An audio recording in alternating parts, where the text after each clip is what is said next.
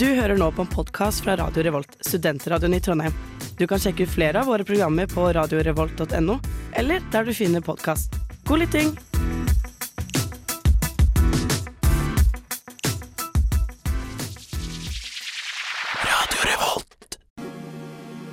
Hei, hei, alle sammen. Velkommen til en ny episode med Kontroll alt delete.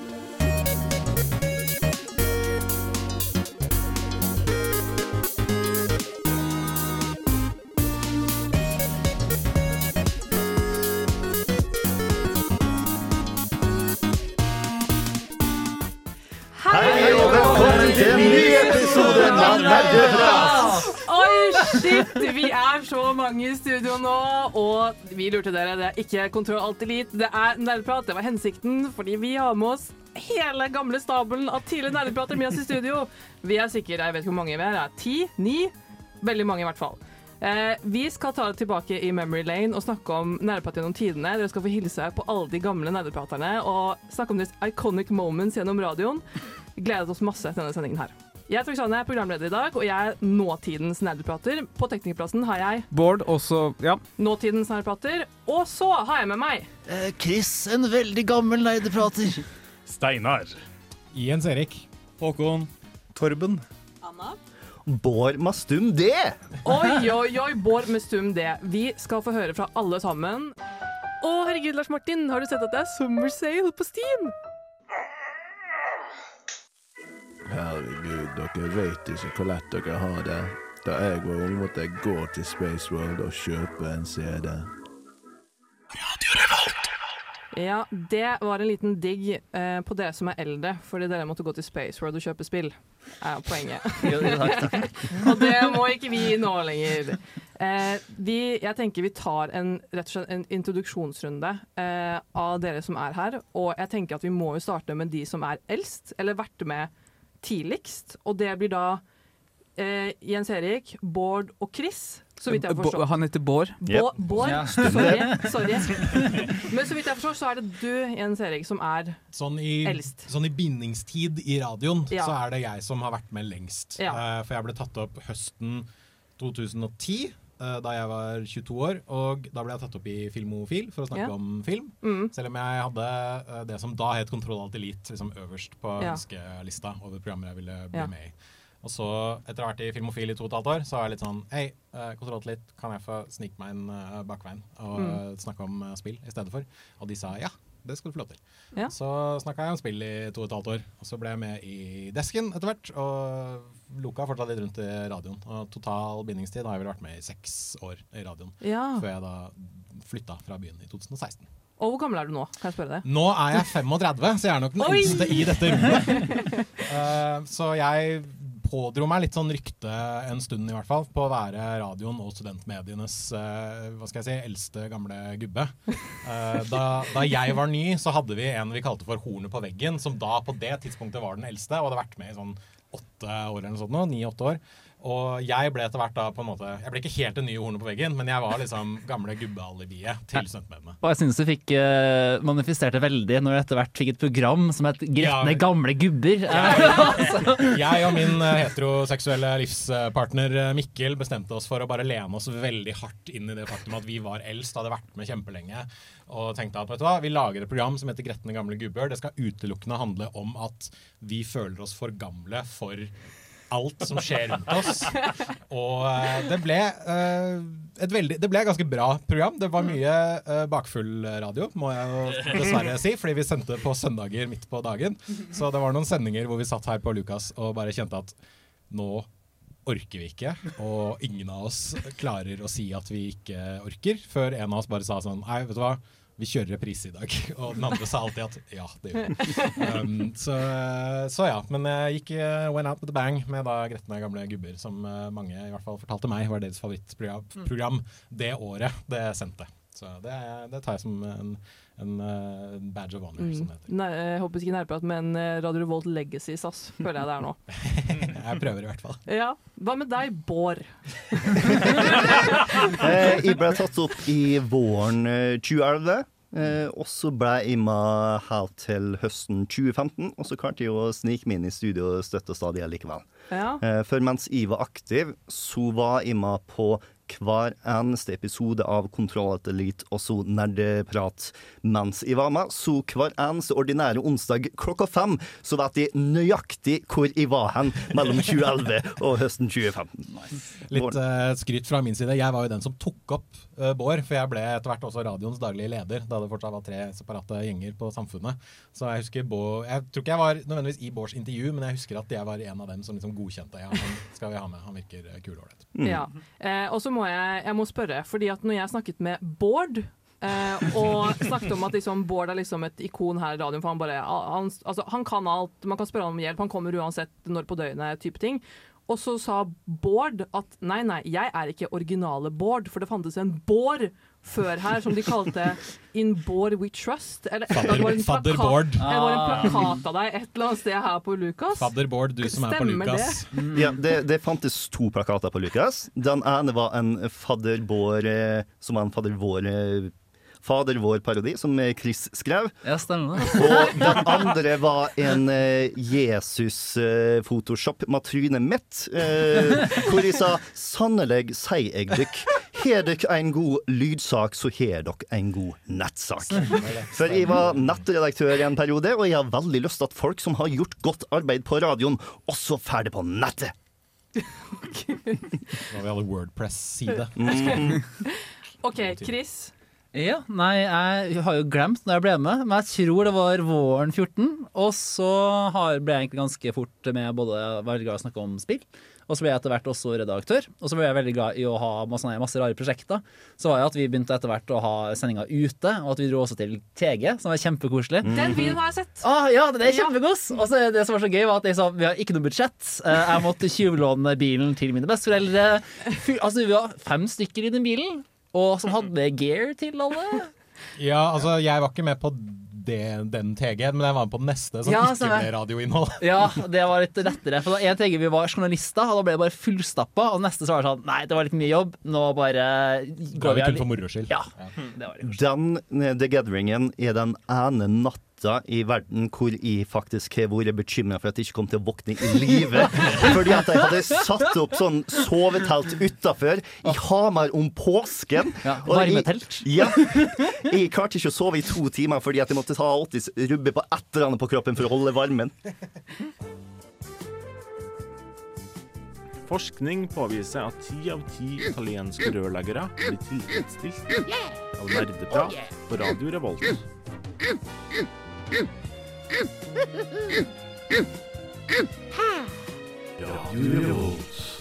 Marios favorite.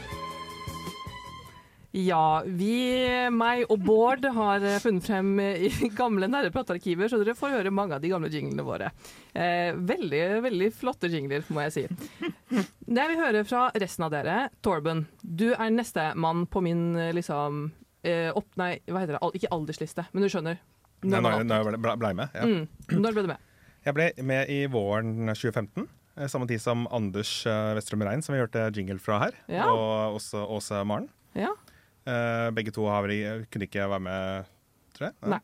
Eh, men eh, ja, jeg ble tatt opp eh, da. Og eh, gikk jo Jeg startet jo i Nerdeprat og søkte her fordi at jeg studerte informatikk på Ja. NTNU. Og tenkte at jeg har lyst til å gjøre noe som ikke er informatikk på fritida. Mm. Så kan jeg snakke om spill og utfordre meg selv litt med å snakke og sånt. Finne på ting Mm.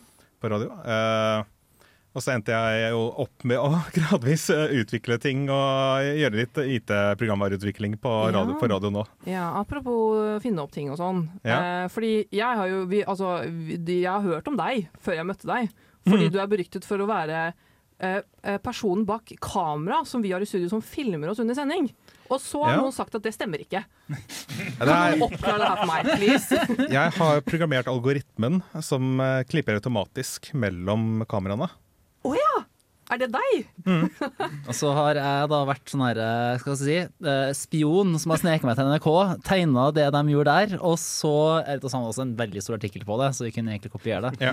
Og så flyttet til USA, putta masse kamerating i bagasjen, og så tatt dem hit. Herregud. vi. Og så har Didrik også har bidratt med Ja, å stemmer. kable sammen. Og så har du en eller annen knapp.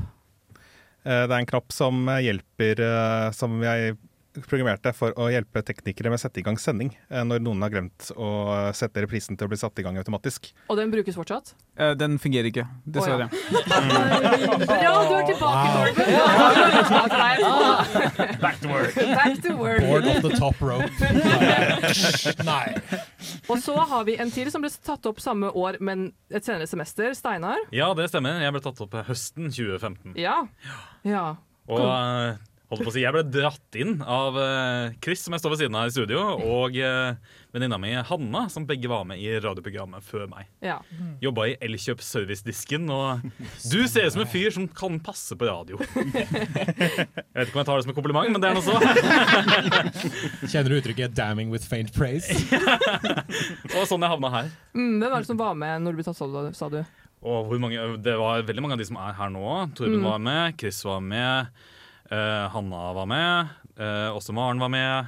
Bård var fortsatt her. Nei, jeg, ikke- stakk rett før han ja, ble tatt det stemmer. Vi møttes nemlig på The Gathering-turen, som Mm. var eh, halvåret etterpå. Ja. Um, og så ble jeg også tatt opp sammen med Å gud, nå har jeg stoppa med navn. Renate. Hjelp! Takk! Herlighet! Sorry. så jeg og Renate- ble tatt opp eh, det semesteret der. ja. Mm. OK. Vi har faktisk eh, ikke all verdens med tid, så vi må høre fra da Anna. Yes. Ja. Jeg ble tatt opp i, Eller, jeg ble ikke tatt opp. Jeg bytta over til å bli radioprater her i Nerdeprat i 2018. Ja. Og eh, det var fordi jeg hadde jo vært med i eh, nærheten av radioen før. Uh, siden jeg jobbet eh, her hvor radioen holder til. Ja. Og eh, så hadde jeg alltid sett litt lengselsfullt bort på de som skulle inn i radiostudio og prate, for det så Mm. bare utrolig gøy ut. Mm. Da var jeg sånn Jeg vil også snakke om ting jeg liker. Jeg vil også snakke om gaming. Så fikk jeg sneket meg inn i nerdeprat. Ja, jeg, jeg, jeg kjenner jo faktisk Anna utafor nerdeprat, for jeg ble tatt opp etter Anna. Men vi er jo gode venner med Tai begge to, så vi har faktisk spist middag og hatt våre sånne derre eh, Jentene ganger opp på thai-moment. eh, og jeg også assosierer med han som tok opp Trym Håkon. Hei. Hei! Du er jo Nei da, du, du var med ganske nylig, men du har Ja. sett altså, du er en OG, du òg. Ja, jeg, Ja. eh, jeg starta vel våren 2019. Ble tatt opp av Anna, ja. Og Ja. Tor Magnus, Torben, faktisk. Og så Tommy, som eh, ja, var med en liten stund, nå. Ja. Og så ja, fram til nyere tid, da, altså til V23. Ja. Så jeg har nettopp gitt meg. Men han har Eh. også vært litt Har du vært gjest? Ja. Ja. Nei, nei, nei, nei, du har det har jeg faktisk ikke. Nei. Nei, jeg du har vært invitert, da. Nei, har du vel ikke. Vi har invitert deg på nesten alt hele tiden. Ja, og det er hyggelig. Og det var, han, det var Håkon som tok opp meg, da. Og Ja. Bård. Bård. For så vidt. Nerdenytt. Hei og velkommen til Nerdenytt. Vi er ute i felten og skal dekke alle de dagsaktuelle gamingnyhetene. Og meg og Bård har fritatt oss det ansvaret, for det er dere gjester som skal bringe oss nyheter. Er dere fortsatt oppdatert på spillverden? Det får vi se nå. Hvem har lyst til å gi oss en nyhet? Jeg Ja. kan komme med en ting, jeg. Ja. Jeg bare hopper rett uti det. Nå er det en eh, veldig, veldig eh, hva skal jeg si, arbeidsom uh, modder som har skapt dataspillet Fallout New Vegas i Fallout 4. Jeg er alltid Eller jeg er, jeg er glad å lese sånne saker, fordi det, er veldig, eh, det viser hvor kreative og flinke veldig mange folk er på fritiden til å bare si at vet du hva, jeg er veldig glad i denne ene tingen. Men hva om jeg putter den inn i dette andre, som jeg også liker? Og så har de egentlig bare gjenskapt hele Fallout New Vegas-verdenen og mekanismer og alt mulig rart i Fallout 4-motoren. Kult. Det er, eh, det er tøffe greier. Endelig er Fallout 4 bra. Det er dine ord, det er ikke mine. Ja. Ja, så det er en sånn såkalt total conversion mod for uh, Fallout 4 som heter FNV2FO4. Så hvis du er gira på å oppleve Fallout New Vegas i litt sånn moderne, nyere drakt, så er det det du må sjekke ut. Ja, det er kjempekult. Fallout New Vegas, det er, altså, er det en, en Altså, jeg Det siste noe med Fallout jeg hadde noe med å gjøre, er Fallout 4. For hva da, ti år siden? Eh, New Vegas er rundt Fallout 3 i tid. Ja, OK. Ja, ja. Det Så det er faktisk dagsaktuelt fortsatt? Det ble gitt ut litt sa- nesten samtidig, eh, men var da utviklet av Obsidian Entertainment, som da er de som utviklet det originale Fallout. Oh, Ja. OK. Og det har på en måte ja, Vegas, Mojave, ørkenen-stil og ja, liksom litt sånn gambling, kasinoaktig vibe til seg. Det er kjempekult. Det har også, i, eh, etter at det kom ut, fått en del sånn kultstatus, rett og slett. Og da det kom ut, var det visstnok veldig janky og buggy, men Ja, veldig mange moddere hoppa jo inn for å fikse ting som dessverre utviklerne av diverse omstendigheter ikke kunne gå inn og reparere selv. Eh, Så eh, folk har jo da bare fortsatt å modde og legge til og alt mulig rart. da. Så Mm. New Vegas er en av de tingene folk kanskje ber om en remaster-variant av. Men eh, Bethesda, som jeg tror eier rettighetene, er ikke så ser ikke ut til å være så gira på det. da. Så da kjører modderne sitt eget løp, rett og slett. Mm. Hadde du nyheter, Anna? Du, jeg har nyheter. Eh, snakk om å spille noe i noe annet. Eh, Er det noen her som spiller Magic the Gathering? Som Ja, spilt. altså for ti år siden, ja. Eh, ja, det pågår i beste velgående. Eller, Hell eh, jo. Eh, og der har de hatt en del crossovers med Doctor Who blant annet. eh, Lord of the Rings. Og Yes. så den neste som kommer i 2025. Marvel kommer til Magic the What? Gathering. What? Så det er ikke så veldig mye detaljer om det ennå. Ok, noen her er veldig gira. Jeg Eh, jeg er dessverre veldig Marvel-pilled, uh, så til de grader. Og det første jeg tenkte da jeg hørte den nyheten, var at Just when I thought I was out, they pull me back in. Fordi eh, det her, altså, altså Dr. Who-greiene hooka skikkelig tak i meg, men fy flate, det her, da føler jeg at jeg må bare Jeg må ha alt av det. Selv om mange av de nyere Marvel-filmene har vært litt sånn dårlige. Men eh, jeg vil ha disse Magic the Gathering-greiene. Men hvordan funker sånne Magic the Gathering crossovers? Er det egne sett som du må spille egne kamper for, eller er det bare vanlig, helt vanlige kort som du kan bruke i helt vanlige kamper i turnering og sånt? Altså, du kan jo på en måte bygge litt som du vil, da.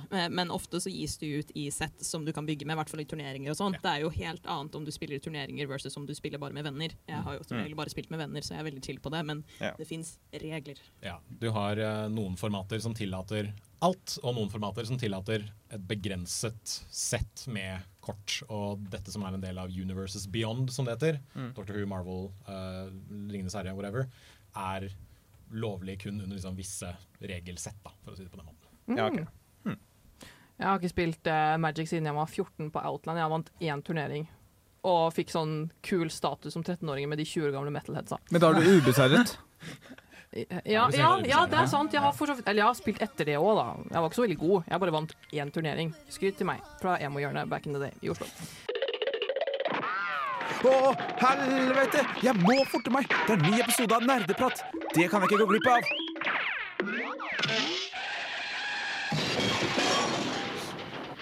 Og du rakk det, og du rakk kanskje eh, årets eh, største sending, vil jeg si. Kanskje noensinne, for jeg har forstått at vi har, altså, vi har ikke gjort det her før. Og vært så mange i studio og invitert alle gamle. Har jeg rett? Sterke i manntall. Ja. Altså, eh, mm, OK. Da Twitch Plays Pokémon var en ting, så kjørte vi en seks timer lang eh, nerdeprat dekker Twitch Plays Pokémon, og da var vi på et tidspunkt kanskje sånn ti stykker i studio. eller noe sånt. Uh, okay. Så vi har gjort det. Men det var ikke bare folk fra nerdeprat. Det var liksom bare alle som har lyst til å snakke om Twitch Plays Pokémon, kan bare komme inn i studio og Mm. prate. Så Mm. det var en radig samling av mennesker. Men Jens Erik er Ja, ny, og jeg lurer på uh, Hva er egentlig Twitch Plays Pokémon? Takk for den... Det finnes eh, vel fortsatt, gjør det ikke det? Takk. ja, Jo, jo, jo, det har pågått de Ja, ja. siste tiårene. Takk Ja, ja. for den interne referansen, Chris, som uh, ingen, ingen yngre enn meg kommer til å forstå. Um, Twitch Plays Pokémon var en greie for veldig mange herrens år siden, hvor noen modifiserte Pokémon rød, var det vel, Mm. til å kunne ta input fra Twitch-chat. Sånn at da kollektivt Twitch-chatten skulle styre, styre Pokémon rød, og da forhåpentligvis eh, komme til slutten og vinne hele sulamitten. Mm. På peaken var det vel over 100 000 folk som spilte samtidig. Ja, ja, jeg, jeg var der, jeg òg, men ja, det føler jeg det er for noen år siden bare. Jeg visste ikke at det var så gammelt. Og det, det pågikk da etter at eh, Rødt var ferdig, så gikk de til Gold, og etter at Gold var ferdig, så Ja. de fulgte liksom hele røkla. da. Nå tror Ja. jeg de spiller både de litt mer moderne greiene, men også litt sånn fan-mods Ja. av, eh, av Pokémon, da. Men dette her var en fantastisk overgang til det jeg eh, ville stille Altså jeg ville stille dere spørsmål. Eh, Og vi har delt opp denne sendingen her litt sånn ut ifra epoker, da. Jeg valgte å kalle det for epoker. Og eh, dere som startet med å introdusere dere, dere er på en måte fra den tidligste epoken. Og jeg vil at dere skal ta oss, altså meg og lytterne, gjennom liksom nerdprat gjennom historien. Mm. Hva gjorde dere? Hva var annerledes? Måte, hvordan så nerdprat i 2011 ut? Eller 10? Uh, Eller altså- først av alt, hvorfor heter det Kontroll Alt Elite, og så bytta det navn til Nerdeprat? Start med det. Jeg er dessverre ikke såpass gammel at jeg husker hvorfor det heter Kontroll Alt Elite, men jeg tror det var bare at noen ville lage et radioprogram om dataspill. Mm. Og de fant ut at Kontroll Alt Elite er en litt sånn catchy, snappy, kul gaming-greie. Er du også- dette, så vet du hva det er. Ja, ikke sant? Og dette var før uh, webtegneserien Kontroll Alt Elite var en ting. Så liksom folk, folk som var aktive da jeg var ny, var veldig viktig på at de mente det var veldig viktig at det. Så måtte vi få med oss det at uh, Kontroll Alt Elite webkomikeren kom etter programmet uh, Kontroll Alt Elite. Um, hvordan det var da kontra nå, det er et uh, veldig godt spørsmål. Men jeg mener å huske at eh, veldig mange som uh, var i studio, stort sett bare hadde spilt veldig mye enten CS eller uh, Dota. det var mye sånn Hva har du spilt siden sist? «Ah, Jeg har spilt Dota. Eh, det, det, det holdes ved like. Eh, hos, jeg vet, det er veldig ja. mange, veldig mange timer i CS og veldig mange timer i league akkurat nå. Ja, ikke sant. Eh, men nei, det var, det var mye prat om spill. Det var en spalte som gikk igjen som het Ukas gadget. Mm. Det var eh, som regel alltid én anmeldelse per sending, tror Oi. jeg. Eh, I hvert fall under Bård sin periode, husker jeg. Mm. Og eh, ja, det var, eh, det var en sånn veldig sånn guttegjeng som på en måte hadde samla seg. da Og Ja. da uh, Erik Vibe, som ble tatt opp samtidig som Ja. meg, på en måte tok over Kontroll til Elite, så forsvant egentlig alle de gutta ut. Og da var det sånn OK, nå må Erik bygge opp et program på nytt igjen. Og det gjorde han da med Bård blant annet, og Mm. et par andre som ble tatt opp rundt da. Mm.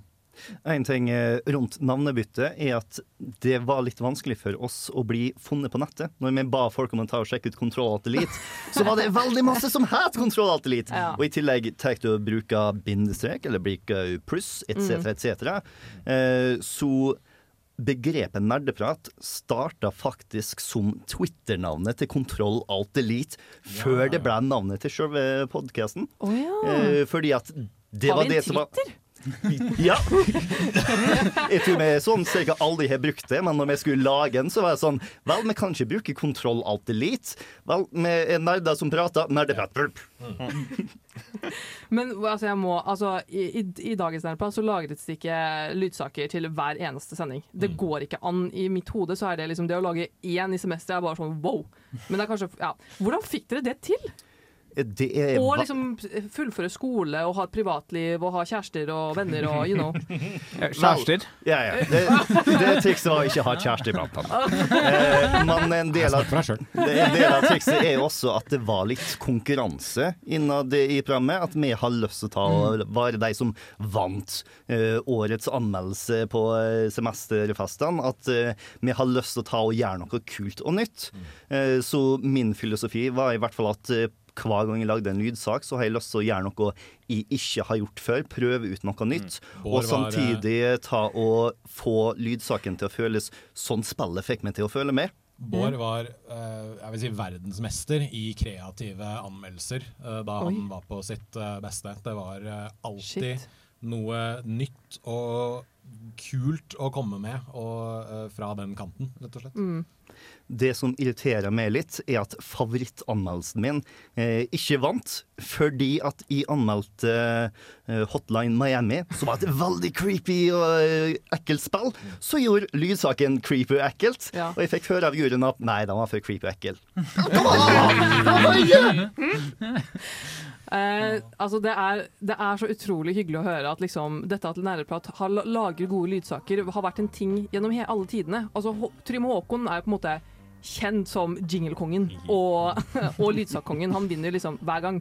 Så ja, når jeg lager noe, så har jeg ikke på en måte sjans, på en måte. I forhold til Håkon. Nei da, jeg tuller. Jeg ble nominert en gang.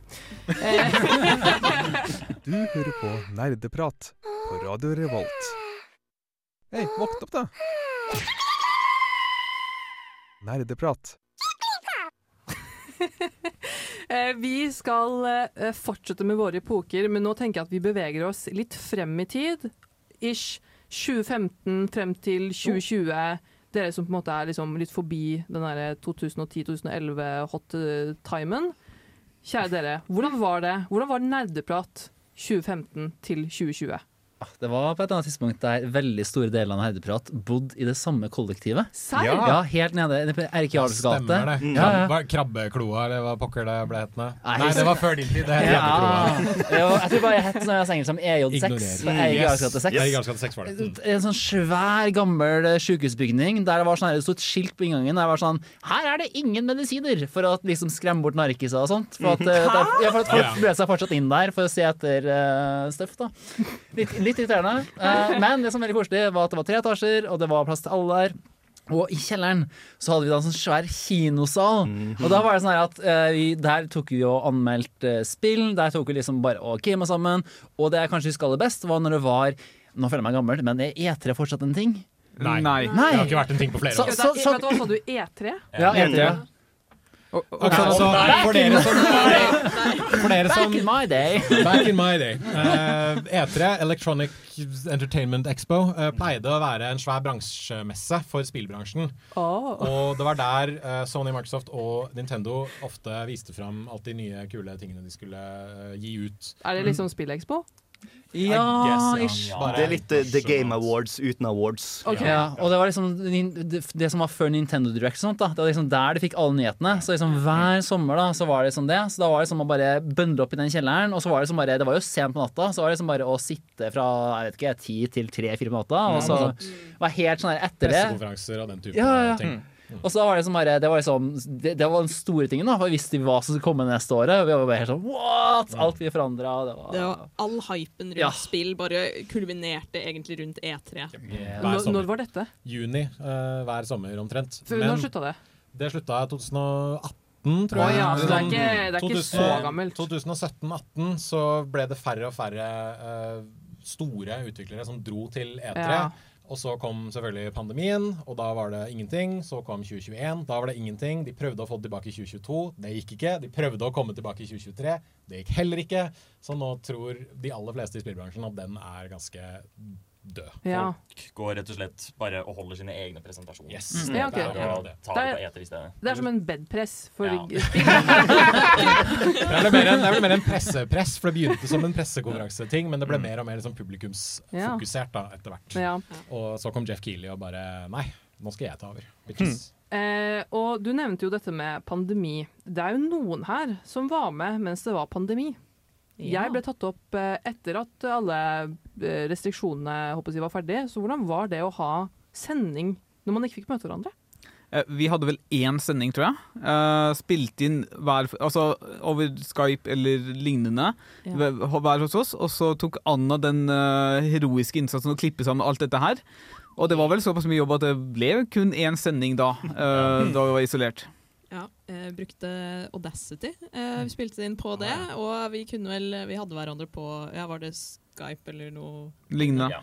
Eh, og så hverandre. Det jeg husker som jeg synes var trist for den sendingen, var at eh, vi fikk ikke med vindene av alle. Så man skulle liksom rekke opp hånda når man skulle snakke, og sånn, for vi måtte ha et system. Og så var det noen som ble skyvet ut. Jeg tror det var Tai, som bare Hans side syns ikke. Så han satt veldig stor del av sendingen og bare Å.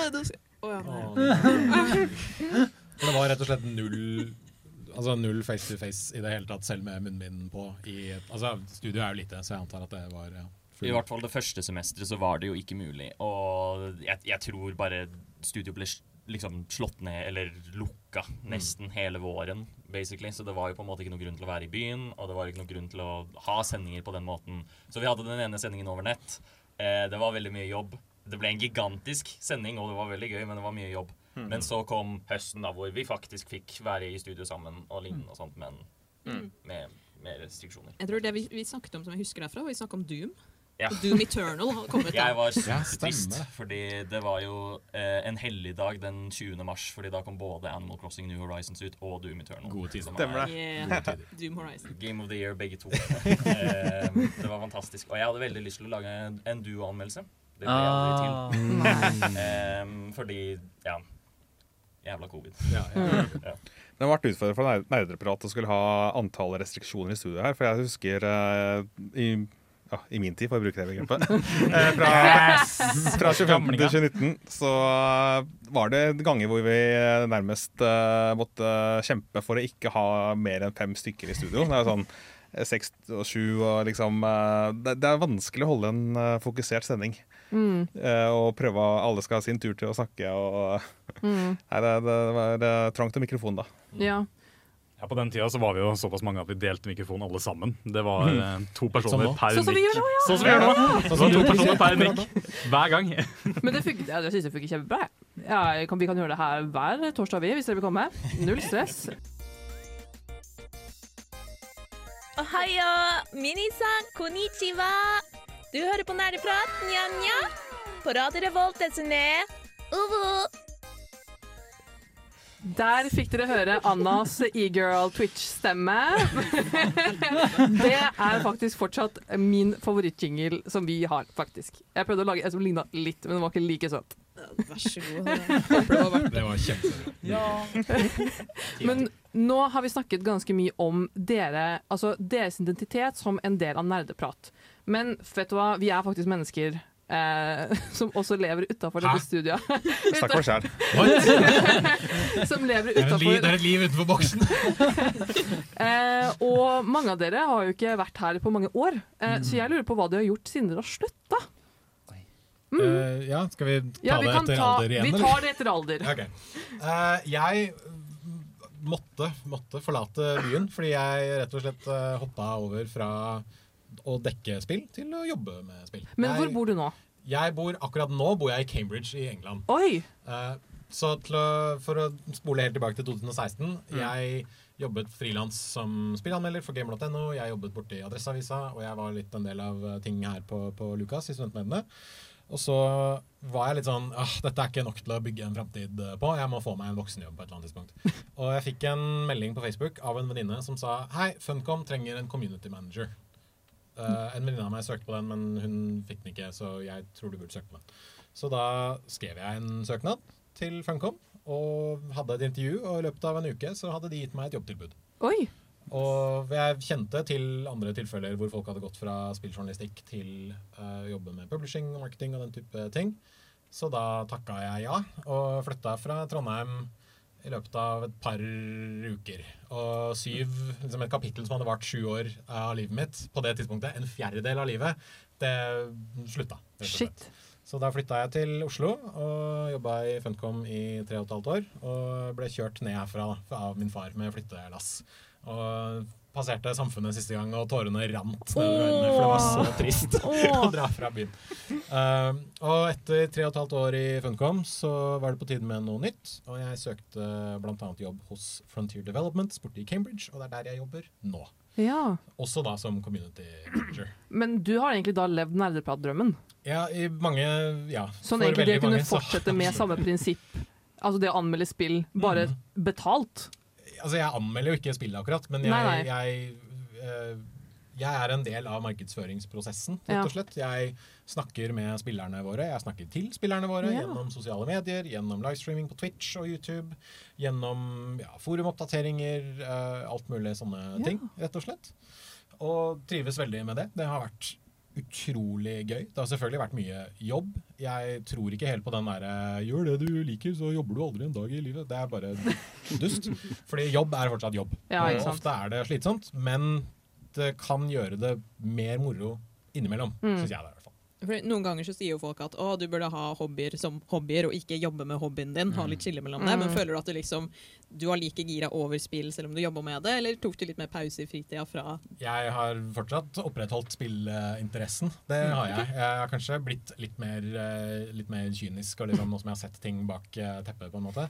Men jeg har også fått mer forståelse for hvorfor ting ikke alltid fungerer på launch. Mm. Uh, og hvorfor innimellom ting tar litt lang tid å fikse. Eller Mm. hvorfor spill bare blir lansert, og så går utvikleren videre til noe Mm. annet. Fordi det er utrolig mye som ligger bak det å lage et spill.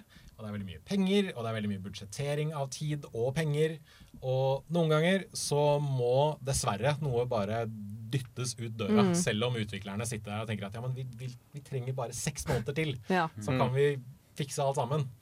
Og ja, det har vært interessant å være en del av bransjen de siste par årene, for ting har jo ja, det har skjedd Mm. mye, Mm. uh, blant annet, og da pandemien også, Mm. ikke minst. Og liksom da se uh, store utgivelser som f.eks.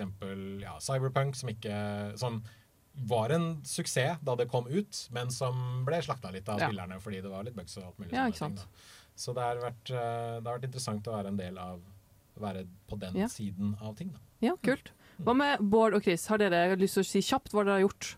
Ja, sorry, nå prata jeg veldig mye. Eh, I 2015 så tok jeg og flytta til Hamar om planer om å gjøre noe nerdepratrelatert, og nå gjør jeg noe annet nerdepratrelatert. Okay. For jeg flytta til Hamar for å ta og studere spillteknologi og simulering. Eh, hvor jeg faktisk hadde Håvard Vibeto, som var en av grunnleggerne av Kontroll Alt Elite, som eh, min eh, faglærer der. Eh, men etter at jeg var ferdig med den bacheloren der, så fant jeg ut at vet du hva, programmering for meg er ikke sånn kjempeartig å gjøre hver eneste dag, men studentfrivillighet det er artig. Mm. Eh, Så eh, i dag så jobber jeg med å bistå studentfrivilligheten eh, på Høgskolen i Innlandet. Ja. Jeg er den ressurspersonen jeg var på Lukas bare profesjonelt.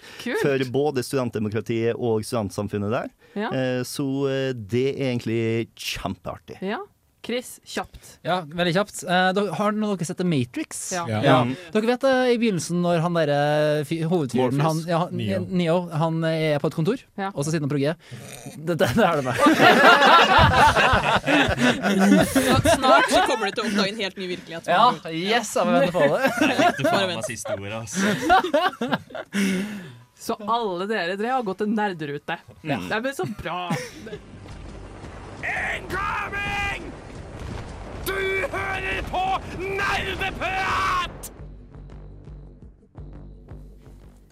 Der hørte dere Steinar rope at, vi, at dere hører på nerdeprat, og han måtte dessverre gå fordi han skulle på jobb. Eh, Og han jobber på Escape Room, det er det han har gjort siden han har slutta her i byen, så det er bare å gå og besøke han der. Han anbefalte oss å komme, og sikkert dere lytter òg. Ikke kom alle samtidig, men ja. Resten av dere. Nå har vi en tre stykk. Eh, Jeg tenker at vi begynner med Torben. Ja. Ja, Hva har du gjort siden du slutta? Eh, Jeg var ferdig med masterstudiet i eh, sommeren 2019. Ja. Eh, Og da flytta jeg fra Eller da gikk jeg fra å jobbe på studentmediene i Trondheim til å jobbe for Norsk Rikskringkasting. Oi! Om enn ikke, ikke, ikke foran mikrofonene, ikke bak mikrofonene, ikke i samme bygg som mikrofonene. eh, Men Så langt unna mikrofonene som mulig. ja, beklageligvis. Eh, Men eh, da er det, jobber jeg med noen av de samme systemene. eh, Blant annet det samme systemet som vi bruker her for å avvikle radio og sånn. Ja. eh, Er en del av min ar- arbeidshverdag med å lage Jeg er på et team da, som jobber med systemet som hjelper innhold med å komme ut på lufta av, eller i NRK Radio-appen. Av I NRK radioappen, ja. ja, av Ja. podkaster og sendinger som er ferdige. Ja, så du har også egentlig også fulgt en ja, Det er en radiokarriere, det også, på en måte. Ja. Eh, Selv om du kanskje ikke snakker lenger, så er det på en måte en essensiell del av det å Jeg bruker den der NRK-appen hele tiden, jeg syns det er kjempebra. Hva med deg, Anna? Meg? Ja. Jeg er nå fortsatt her i Trondheim, Mm. og eh, hamles med eh, min erkefiende hovedoppgaven. Ja. Som jeg holder på å skrive ferdig nå. Ja. Sakte, men sikkert. Eh, altså, hovedoppgaven er kanskje ikke det verste. Deler av den er det verste, og det er nemlig statistikken. Ja, Det er min det fiende hørt. nummer én.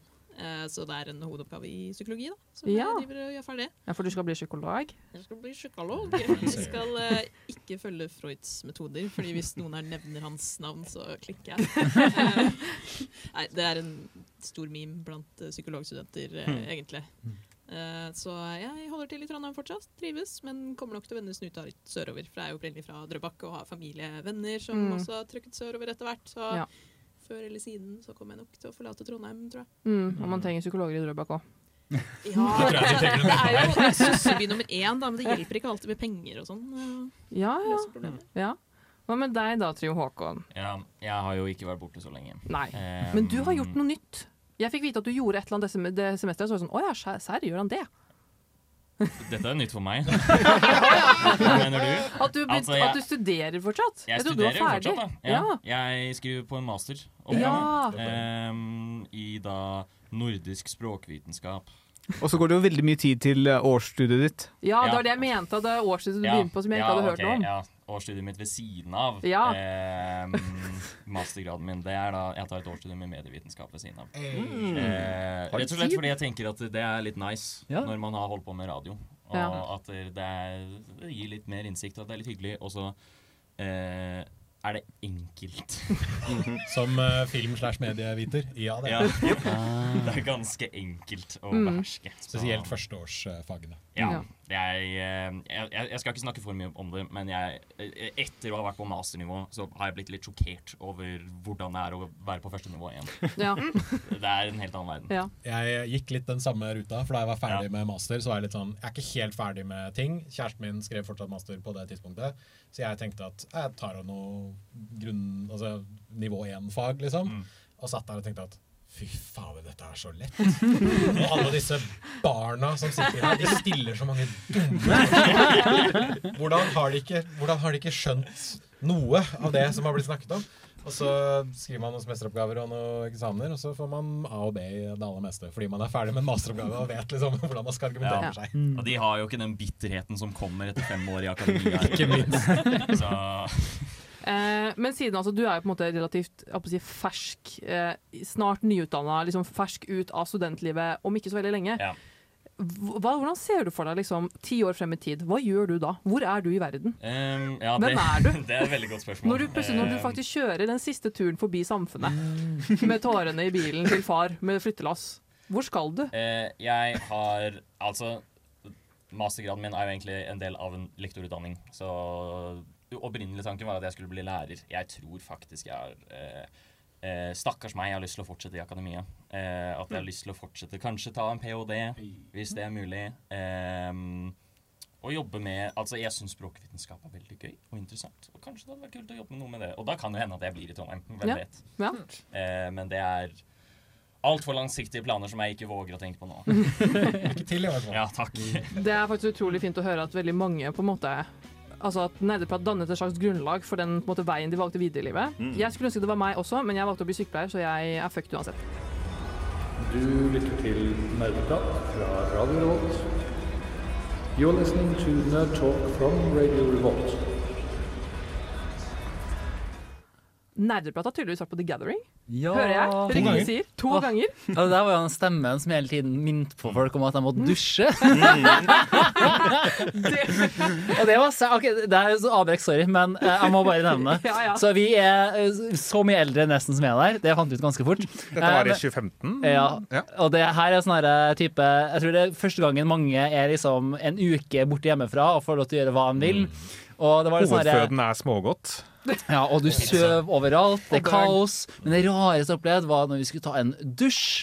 For da var det sånn, det var kø hele tiden. Og så var det sånn eh, noen kids da som da hadde tatt masse kanner med Red Bull. Teipa det sammen, splitta opp enden og hatt sånn fem dusjhoder. Én som holdt, og så var det liksom fem stykker som kunne dusje samtidig. Det var kjemperart. Det var Ingeniørkunst. det. Ja, det var det. Fra ung alder. Så Men veldig merkelig. Ja, eh, for jeg nevnte jo faktisk eh, til Nerdeprat når jeg ble tatt opp selv at å, kan ikke vi dra på The Gathering? Og da fikk jeg et veldig sterkt nei. Absolutt ikke. Ja, nå setter jeg dere på pedestolen, som jeg sa tidligere i en sending, men på the pedestal. Hvorfor det? Du kan gjerne dra. Jeg var ikke gira. Altså, jeg har vært der tidligere, og det er liksom Det, det er gøy, Ja. men når du bor alene i en egen leilighet og kan egentlig bare dra til en venn her i Trondheim, så er det fryktelig langt å dra helt til Hamar kun for å Ja, men- spille med ja, men, ja, men dine. Man vil jo dusje ut av monster. altså, det er jo på en måte hele estetikken rundt det. ikke sant? Ja. Skitten, forstoppa, ikke sant? hele pakka, liksom. Altså, Jeg kan bli med deg, Oksana, men jeg drar deg ikke på eget initiativ. Og det er liksom noe å se liksom hav av datamaskiner. Det er egentlig det Mm. rareste. Altså, du Mm. kan også kjøpe sånne dagsbilletter, og jeg gjør det av og til fortsatt. Bare Ja. går inn dit eh, for å se liksom av av havet og altså de alle rare begynnelsene som er der. Men, men, men det holder liksom å gjøre det én gang, eller to ganger, Ja, syns jeg. ja, ja. Noe av det, jeg husker best, er at det var uvær av høy lyd. Ja. Fordi at det er så mange som har med seg gigantiske høyttalere.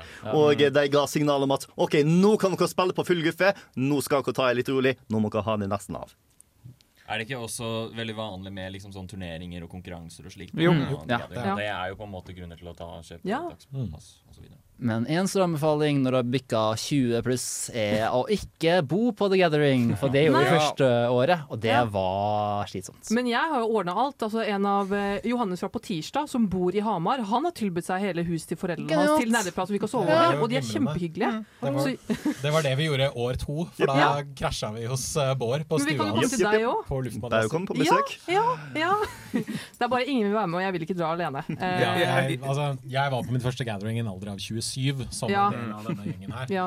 uh, jeg vet ikke om jeg kan anbefale det, Ja. uh, men jeg fikk en veldig god featuresak ut av det for gamer.no, der jeg ble kalt quote, ikke marinejegermateriale.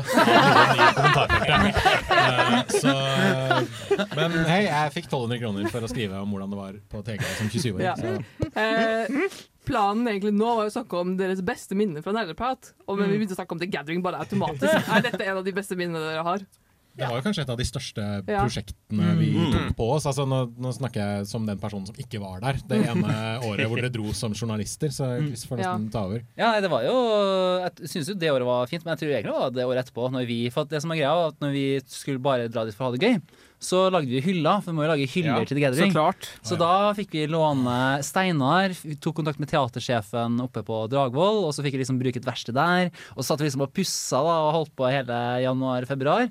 Og så var det som å få med hele klasset da ned til uh, The Gathering. Og det er så stemning hver gang man kommer dit, for det er liksom lys som shiner ut, og det er vikingskipet, og nei, det Det var jævlig gøy. Ja, Mm. det det. Altså, jeg så jo, Etter at jeg ble tatt opp, så lusket jeg jo litt i sharepointen til Nederprat. Og da fant jeg jo Ja, en lang video av en gjeng som drar på The Gathering, og med sånn bakgrunnsmusikk. Ja. Og lagde liksom en sånn vlogg, på en måte. Mm. Jeg kan vise den etter, eller jeg kan se den på det er fortsatt tilgang på SharePoint, tror jeg. Eh, Dere kan se den etterpå, for den er jo kjempesøt. Ja. Og det var derfor jeg tenkte å, vi må jo dra på The Gathering, og så fikk jeg et nei. Nei, det var, det, man må få det, altså. Og det, det er en veldig rar ting jeg husker av turen, men når vi starta på turen, så hadde vi Jeg hadde tjuvlånt mine besteforeldres bil, og den hadde kun CD-spiller for å spille musikk. Så vi tok og brent, ja, og vi tok og brent musikk på forhånd. Ja. Og så satte vi det inn, og den første låta er den der i Sonic, der det er 'Rolling around at the speed of sound'. Ja. Men det var hakk i plata! Rolling around, rolling around. og så var det ned til Hamar, da. Går det ned på repeat i sånn En god stund. Det og Drive-soundtracket. Ja. ja Ja, akkurat kommet. Nei, å, jeg misunner det faktisk veldig. For jeg fikk jo Jeg, jeg har aldri vært på The Gathering, for jeg fikk jo aldri lov av mamma. Eh, og så fikk jeg kun lov hvis min seks år eldre bror eh, fikk, jeg skulle ta meg med, men han ville jo ikke ha med sin lillesøster på The Gathering når han skulle ha meet and greet for sine Ah. fans. Han var ikke kjent engang. Nei, men Jeg vil absolutt anbefale å ta turen. Eh, Bård har riktig at det ikke kommer til å bli eh, det mest komfortable dere er med på, men det er det som er litt artig med den Ja. eventyrbiten. At det Ja. er sånn Nå skal vi inn i en kjempemerkelig verden, en shantytown av 2000 nerder som tar og lager uvær av rockemusikk og tekno. techno, det er absolutt verdt opplevelsen, om ikke noe annet. Tusen takk for støtten. Kanskje jeg får med de nå likevel. Nå har dere hørt det her av eh, OG-ene. Nå må dere lytte. Jeg elsker deg, nerdeprat. Vi skal være sammen for alltid, hver torsdag på Radio Revolt. Og vi elsker jo fortsatt nerdeprat, gjør vi ikke det? Ja. Er det noen av dere som fortsatt lytter? Innimellom. Eh, ja. Ellers så var the silence very loud. Jeg tror faktisk jeg fortsatt har tilgang til Nerdeprat sin YouTube-kanal. Har vi YouTube-kanal? Jeg, jeg hørte faktisk på forrige episode, og jeg husker hvorfor Board games? Ja. ja. Delvis fordi at jeg har navnet mitt midt i tittelen. Ah. Eh, og jeg husker sånn delvis hvorfor jeg ikke hører så ofte på nerdeprat. Nå kommer jeg til å si noe som høres veldig slemt og negativt ut. Det er vanskelig for meg å kun høre på nerdeprat. Fordi at jeg må konstant ta opp pause og tenke ut hva er det jeg ville sagt på det tidspunktet. Ja! Fordi jeg har lyst til å inn i studio og se og delta og melde meg til innlegg. Og det hjelper ikke at Bård er med, så at jeg hører navnet mitt og sier jo, nå skal jeg Å. Men er du, er du noen gang sterkt uenig i ting vi sier? Det, til tider. Dere brukte altfor lang tid i arkavdelingen. Dere burde inn i Outland-avdelingen av nettspill. Masse Helt enig. Helt Ja. enig. Ja, men OK, OK. ok, ok Jeg skal forsvare Jeg er helt enig, men jeg skal forsvare fordi at en av de tingene Det var sikkert sånn back in the day òg at eh, altså på, Vi har jo mandagsmøter med vår seksjon i radioen, og da får vi gjerne tilbakemelding fra andre programmer sånn om de episodene skal vi høre på hverandre.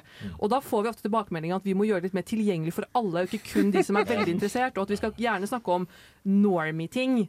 Normie-spill. Hele poenget med dette programmet er jo at det kanskje ikke skal være så for normie-ting, i hvert fall da det ble etablert. Ja, men vi tar jo den tilbake. Men ok, men da forklarer vi hva RPG står for. Ikke sant? Vi forklarer vi forklarer liksom vi, okay, vi må snakke om Cluedo og, og Ticket to Ride og, og Settlers og liksom normie-ting, da, i anførselstegn, skal vi si. Er. Settlers normie-ting? Ja. Ja. Bård. Ja, jeg tør å påstå. Oh, Det jeg var på den forsvunnet diamant og sånne type ting. Ja, det Ja, var- det, det er enda med normie, men altså, nå er Settlers normie. Det har vært her så lenge nå. Men jeg har Game of Thrones-katan, og det er ikke normie med utvidelse. Det er dritfett. Ah. Det kommer jeg til å snakke om for evig nå, for det er min, min nye obsession Uh, at the time. Nei, akkurat nå. Eh, jeg vil høre fortsatt nok om hva dagens nærdebatt gjør. Dere kan dere lyttere bare gå tilbake til tidligere episoder bare høre hva vi har gjort det semesteret her. Mm. Har dere noen, dere andre, har dere noen andre sånne gode core memories fra nerdeprat? Ja? Jeg, jeg, jeg kan uh, ta en, uh, som var uh, at eh, jeg, vi ville lage en sending om tilfeldighet. OK? Og, eh, min, eh, og jeg de, de sendingene jeg liker best, er de hvor du bare river opp all struktur og bare gjør noe morsomt eh, og eh, annerledes. Så der tok vi tilfeldig og rullerte eh, hvilken rekkefølge segmentene skulle være. Oh, ja. Så vi hadde ikke nyheter i starten. Eh, vi, det, det liksom kom ganske seint i programmet og sånn. Åh, det føles illegal ut, faktisk. Jeg føler Hvis jeg hadde pitcha det, så hadde jeg blitt halshugd, tror jeg. ja. Eh, Jeg har et eh, minne som kommer til å vare med gjennom hele livet. Dette var fra en episode sånn høsten 2014, eller noe sånt som er nå. Eh, hvis dere husker mobilspillet Flappy Bird. Ja. Det var et dumt enkeltspill. Mm. Eh, og hvor du skulle ta og trykke for å ikke ta og krasje i bakken, men du skulle ikke krasje med eh, Super Mario Pipes og alt sånt som er nå. Eh, når oppfølgeren eh, Swingcopters kom ut, så skulle alle sammen i Nerdeprat ta og spille det, og se hvem som har høyest eh, high score til neste program. Eh, da vi tok denne den runden, så har de fleste et par eh, stykk. Chris hadde sånn rundt ti, og jeg hadde 50. Ja, og det frika Chris noe enormt ut, hvor han kasta av seg headset og bare ropte 'juks!' Løp ut av eh, eh, studio alt mulig rart. Så han fikk ikke mase grunnen til hvorfor jeg Jo, gjorde det. jo! Ja. Å, ja, ja, men jo, ja, jo. Ja. Det var fordi at jeg hadde en kjempegammel iPhone 3GS, hvor det spillet ikke burde ha blitt utgitt på i hele tatt. Så min opplevelse av spillet var at dette var et kjempechill spill. Hvor det ble sånn pop, pop, pop. Jeg, var sånn, jeg skjønner ikke hvorfor folk synes det her er stressende. Det her er avslappende. Så jeg tok og multitaska mens jeg så film alt mulig rart. Så jeg var ikke klar over at det var vanlig å ha få før folk tok og sa det. Det er en grunn til at jeg sa jo! Og så løp ut. Bare å si det sånn. Jeg har aldri fått så stor reaksjon ut av noen før jeg har gjort så lite. Eh, jeg har også en eh, fordi jeg har fått en liten status i Nerdeprat som han ene fyren som oppsummerer handlinger på veldig kort tid. Mm. Eh, og jeg vil da bare snakke om Jeg fikk jo den sykeste introduksjonen til Nerdeprat i verden, som var på intervju til programmet, så, ble, så sa jeg tilfeldigvis at jeg skal spille Kingdom Hearts 3 når det kommer ut. Fordi jeg vokste opp med de spillene, selv om det er kaotisk fuck, liksom. Og da ble jo jeg sånn Ja, klarer du å oppsummere handlingen på fem minutter? eh, og det, det Jeg skulle lage den lydsaken til min aller første sending. Jeg hadde ikke pratet Ja, på radioen engang. og det var så søt! Og da laget jeg en oppsummering av Kingdom Hearts på fem minutter. Og Ja. det gikk ikke, men det var veldig gøy. Det var da vi visste at vi hadde tatt opp riktig. Hvis, hvis dere vil høre et par klipp av den, så kan dere gå til eh, Håkons tribute-sending i våres, hvor jeg klippet den litt sammen med litt eh, Ja, jeg fant den og sånt. Eventuelt kan dere sjekke ut crossover-sendingen, som er sånn episode 99 eller noe. Ja. Ja, faen, du hører så jævlig på nerdeprat. Altså, det games, og det prates, og det nerdes, og det er litt.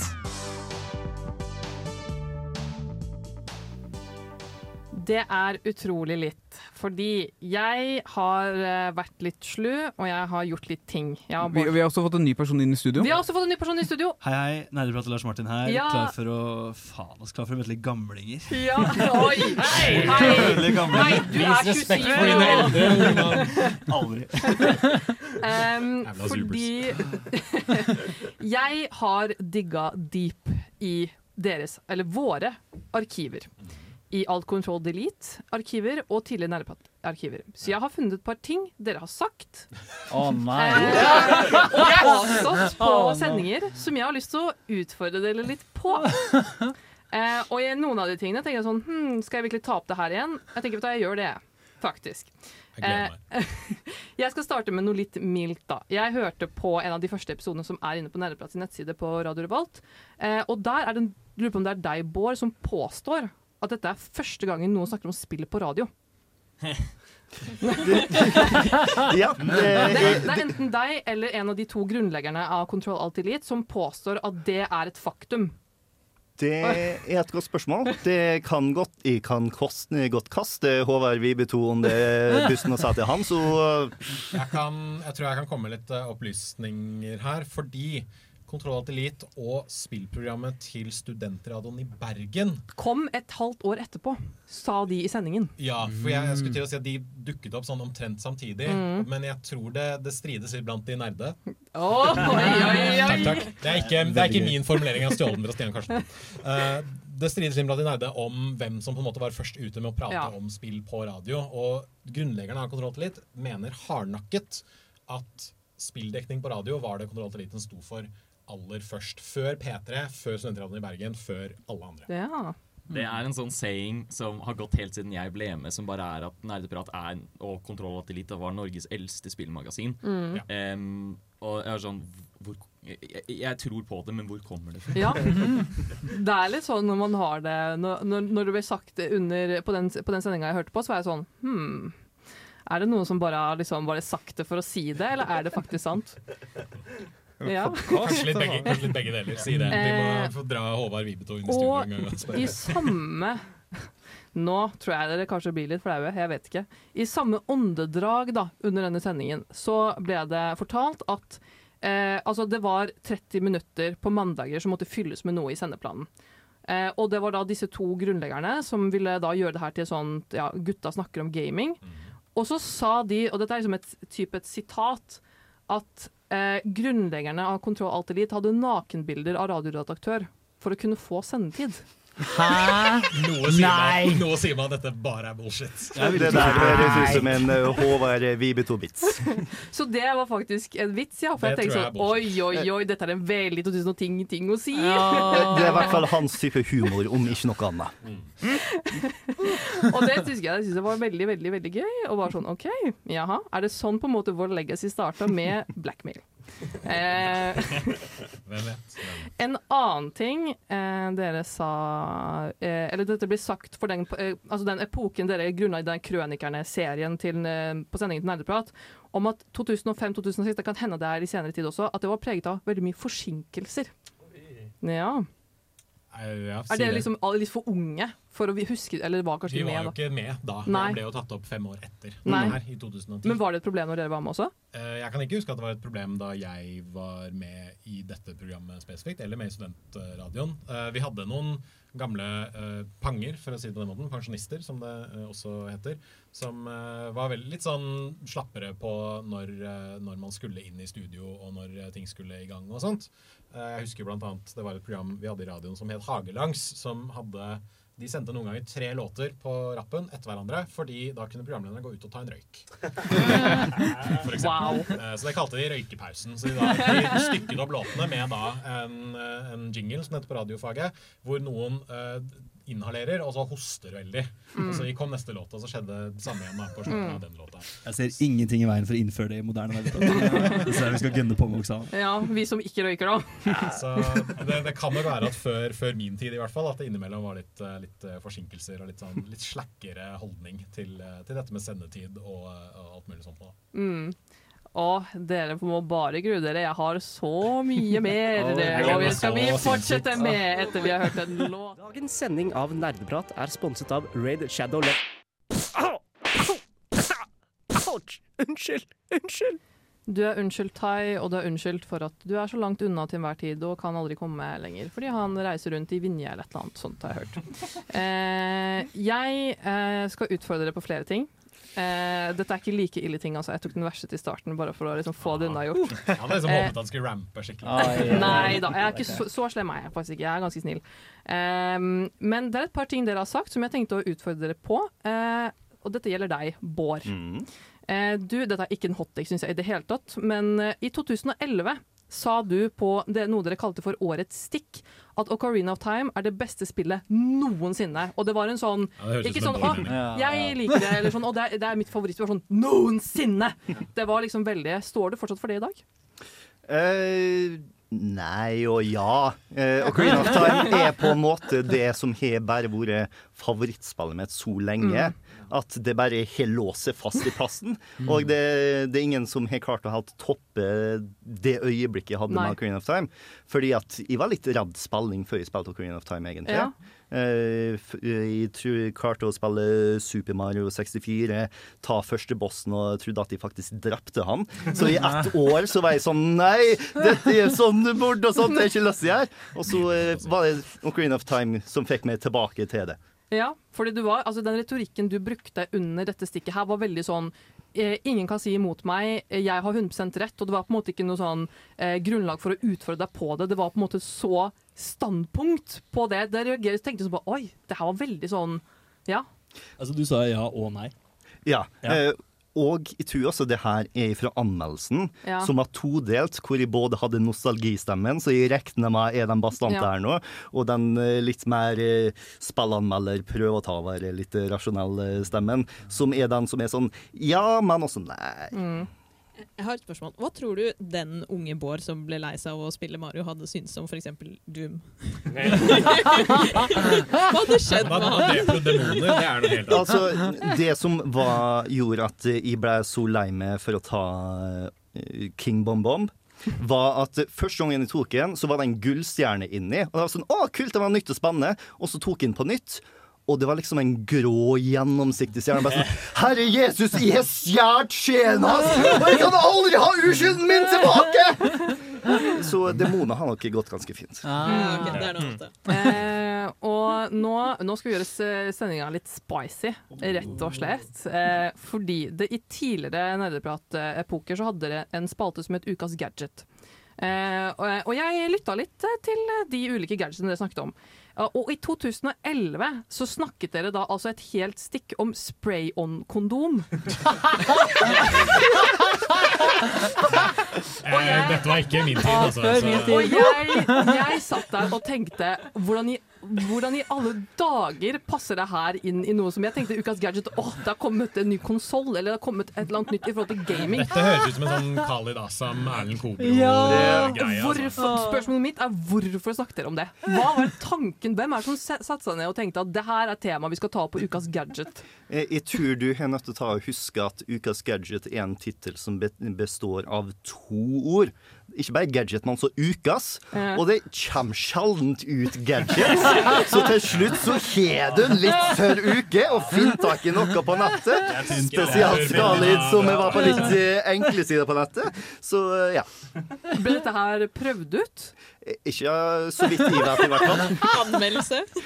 Fordi sånn som dere beskrev det i dette, i dette stikket, var at det var en, tub, en tubelignende form som man skulle ta på eh, sitt under, sin penis, og da trykke på en knapp, så kom det sånn eh, Sånn ja, som spruta på den, så det dekket det som skulle brukes som en kondom.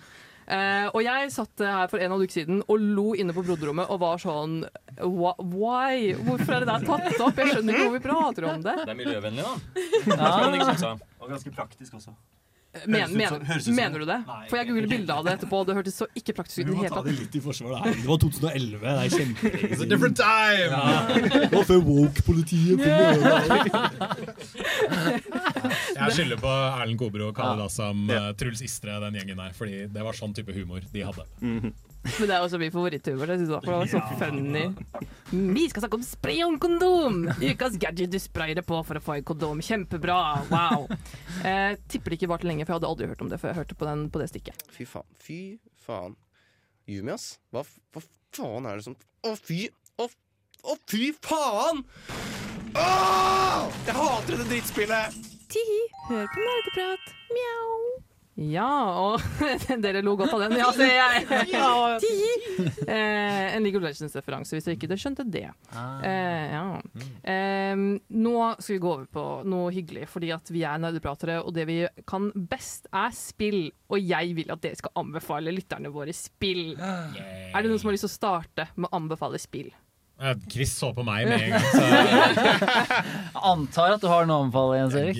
alltid. Er, eh, ja, nei, som sagt tidligere, jeg har jo bare tatt uh, spillinteressen videre, selv om jeg nå jobber med spill. Eh, og fordi jeg har reist mye de siste, eh, på torsdag i hvert fall, så er jeg veldig glad i min Nintendo Switch. Mm. Og jeg har selvfølgelig spilt Super Mario Brothers Wonder. Ja, det har jeg ja. ja. Og det er, eh, det er ja, vidunderlig, som det Ja. ligger i, i spilltittelen. Det er helt utrolig hvordan Nintendo fortsatt bare fyrer på fyrer av med alle kanoner, holdt Mm. jeg på å si, og leverer noe som er så ypperlig, Mm. så rett fram bra å Mm. drive med. Og liten fun fact, eh, det var seks personer, som, fem personer som jobbet på det originale Super Mario Brothers. Fire av dem jobbet på Super Mario Wonder. Eh, Så det er liksom, det er kontinuiteten det er snakk Ja. om her. Da. Eh, nei, det er bare, det er helt utrolig gøy å spille, hvis du er Mm. glad i plattformspill, hvis du Ja. er glad i Mario-spill, og hvis du er glad i Nintendo-spill. Eh, den eneste tingen jeg syns er negativt med det, er at man, hvis man vil spille Yoshi, så er det sånn derre for barn. Ja, man kan ikke bruke power-ups som Ja. Yoshi. Det er litt Mm. dust. Eh, Jeg er nå en gammel mann med jobb i stedet for studie, så jeg har begynt å verdsette tiden min en god del mer. Og i det siste så har jeg funnet et spill som virkelig verdsetter tiden min, og det er Switch-spillet Live Alive. Et eh, JRPG. Eh, For det som er veldig kult med det, er at det er en antologispill. Eh, Det er åtte forskjellige historier i åtte forskjellige epoker, og hver historie er sånn ca. tre timer langt. Så jeg kan spille ferdig på en kveld og slippe å huske hva var det jeg gjorde sist neste gang jeg tar og plukker opp spillet. Ja. I tillegg kjempebra production values. Mesteparten av dialogen er voice-ekte. Eh, krever nesten ingen grinding. Så det her er liksom Det her er et spill som jeg føler at tiden min er verdsatt av. Mm. Live Alive til Switch. Mm. Anna? Eh, apropos god voice acting. Jeg har spilt et spill som ikke er kommet noe nylig, men som jeg har bare blitt forelska i, som jeg tror er på topplista mi, egentlig. Eh, det er så et spill som jeg tror et av de få når du søker på det, du får opp sånn automatisk sånn Is this game bla, bla, bla. Is this game communist? Eh, det er eh, Disco Elysium, eh, The Final Cut. Jeg oppdaget det først i år, og jeg angrer, men samtidig er jeg sånn Jeg vil spille det på nytt igjen for første gang, fordi fy faen, for et fantastisk skrevet spill. Eh, for en fantastisk worldbuilding. Det er en RPG, men på den måten at du bygger karakteren gjennom spillet. eh, hvordan de ender opp med å bli på slutten, som en karakter. Det er så vanskelig å forklare. Eh, jeg vet ikke hvor jeg skal starte, men det er litt sånn eh, post-Sovjet-vibes i en fiktiv verden som også minner mye om vår. Har veldig mye filosofi i seg. En fucka opp hovedkarakter som ikke husker noe som helst når de starter, og så må du bare pushe sammen litt sånn murder solving detective-type Mm. Puslespill, holdt jeg på å si, gjennom eh, spillet. Ikke noe combat, men fantastisk dialog, fantastiske karakterer, fantastisk historie. Anbefales på det sterkeste. Det jeg synes er veldig kult med spillet, er at skillsa dine er de indre stemmene og personlighetstrekkene dine som har lyst til å delta hele tida og komme med kommentarer. Mm. Ja, Torben? Torben? Sorry. Ja, du uttaler hålet min, det er bra. Uh, jeg, har, uh, altså, jeg, jeg har ikke fått spilt så mye spill, men jeg har lyst til å anbefale Hvis, hvis, hvis det blir noe veldig enkelt, så kan jeg anbefale Kirby and The Forgotten Land. Ja, det er så hyggelig! Mm, for de som ikke har sjekka ut det. det er, eh, altså Kirby kan være så lett Mm. eller så, så vanskelig du, du vil gjøre det. Vi har også Kirby-sending, som dere kan høre på. Mm. Jeg skal også ta en superkjapp av Jeg er veldig glad i 2D-plattformer. Syns det er veldig gøy. Og da er det en helt fantastisk syretrip av et spill som heter Pizza Tower. Eh, som da har den styggeste tegnestilen jeg har sett i hele mitt liv. Eh, og det er så vilt fantastisk gøye, kreative ideer som Ja. brukes i hvert eneste nivå. Men det som gjør det spesielt, er at det er det beste speedrun-spillet jeg har spilt noensinne. Ja. Det er kjempekult.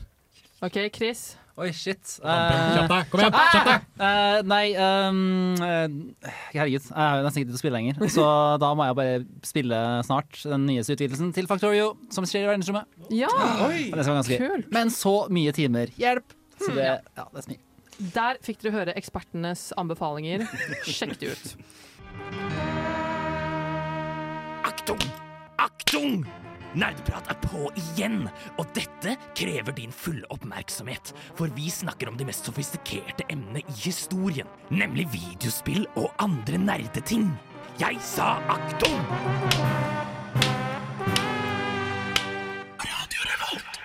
Vi snakker om sofistikerte ting som dataspill og slikt, eh, og vi har hatt med oss en helt fantastisk gjeng med i studio i dag. Eh, Vi er dessverre ferdig. Jeg vet. Det er Ja. helt grusomt. Vi har akkurat begynt. Ja, vi føler også vi har akkurat begynt. Vi burde egentlig hatt en femtimerssending, spør du meg, men det får jeg aldri lov til.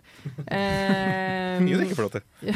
ja, det er mye jeg ikke får lov til. Jeg vil bare takke dere for at dere hadde tida til å komme. Vi setter så stor pris på det. Det har vært helt herlig, liksom. Å bli kjent, og også, ikke, ikke minst bli kjent med dere. Hvis dere har noen Tusen takk siste for invitasjonen. Ja. Ja, takk for invitasjonen. Ja, å, jeg er lei meg. Eh, nei da. Vi ses jo kanskje litt senere.